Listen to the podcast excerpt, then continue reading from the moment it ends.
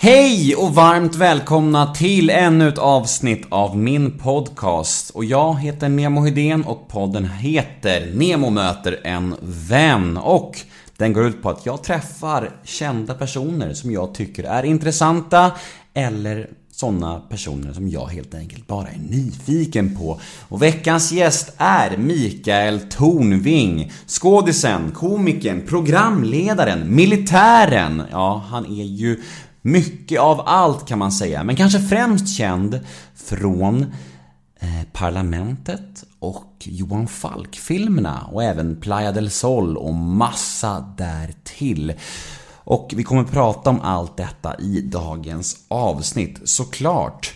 Och veckans podd är ett podmi exklusivt avsnitt, vilket betyder att det ni kommer att få höra här nu är en teaser av mitt samtal med Micke Tornving. Ett litet smakprov.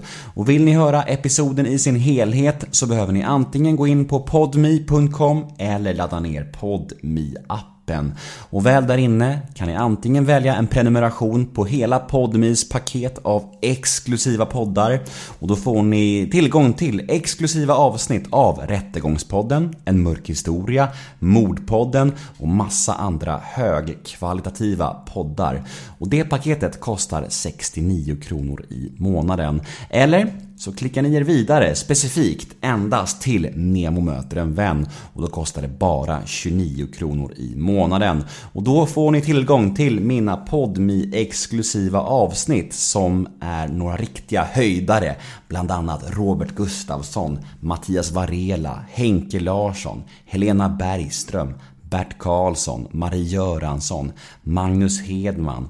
Ja, ni hör ju själva, några riktiga guldkorn finns där bakom podmi-väggen. Så jag rekommenderar alla att prova det här.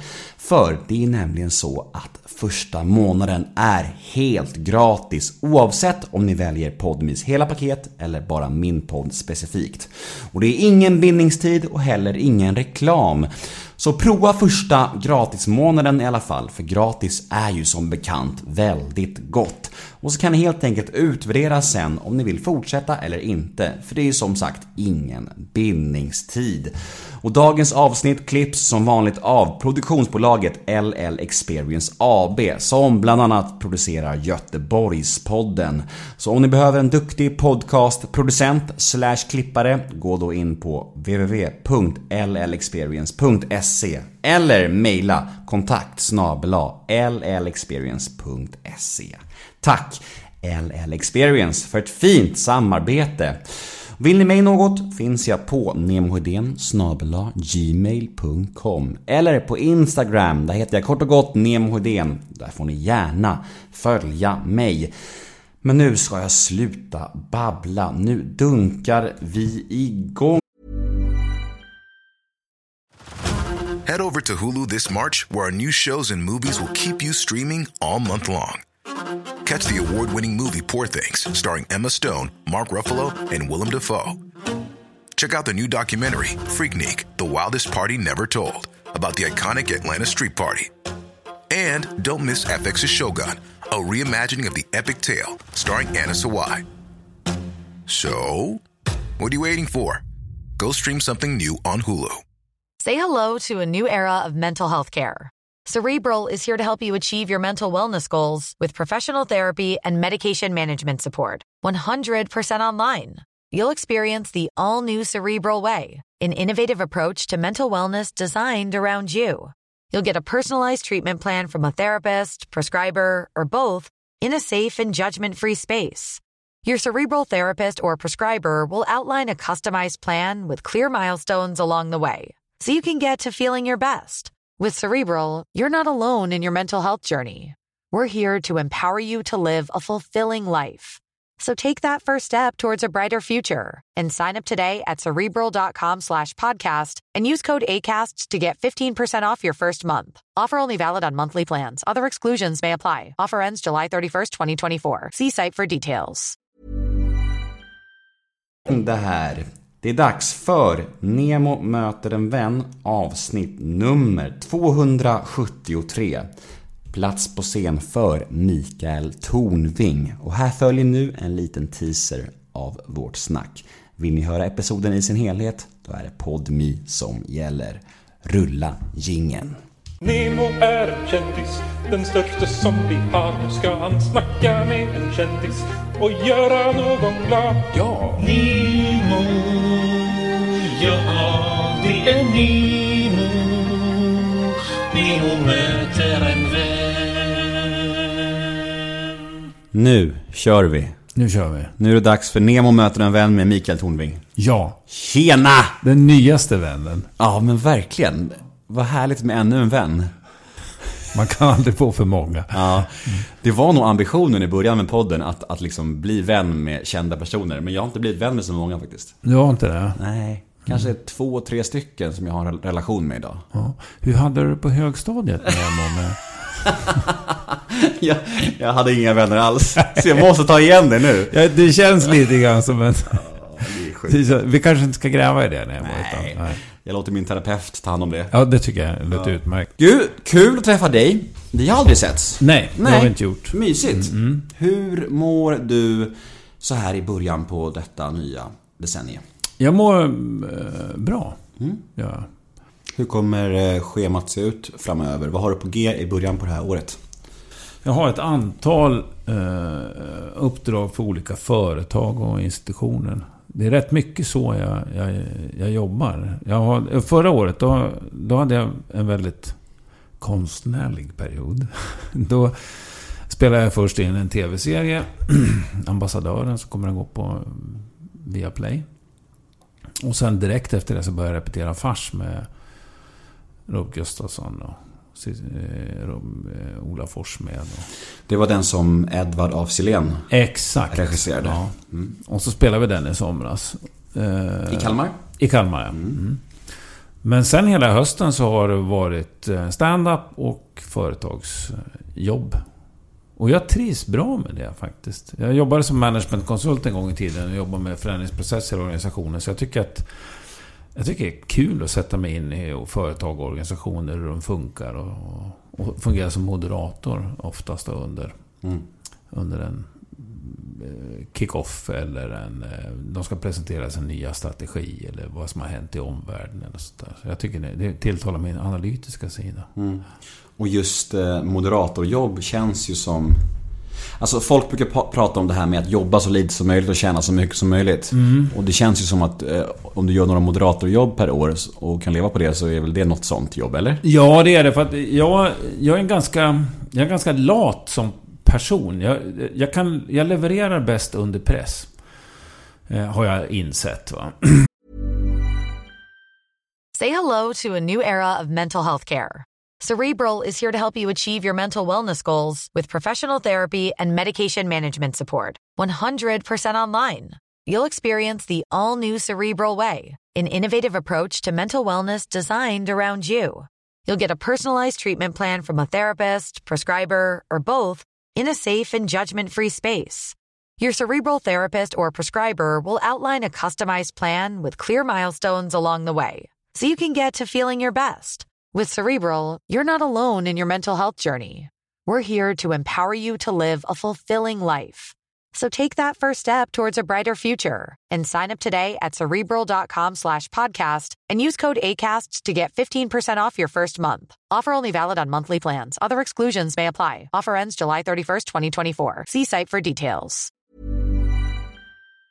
Och då bokar jag in så många jobb jag kan och sen så håller jag mig igång och jobbar. Annars är jag rätt... eh, Jag tycker om att gå och skrota här i lägenheten eller åka upp till stugan eh, och och åka och hälsa på syrran som bor i London eller läsa.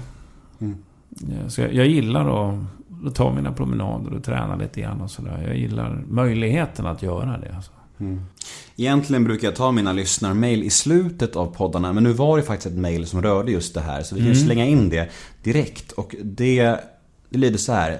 Jag har förstått att du gör mycket konfa-jobb. Vad tar du i betalt för ett sånt gig? Det säger jag inte. Nej, Nej. det är okej. Ja. Ja.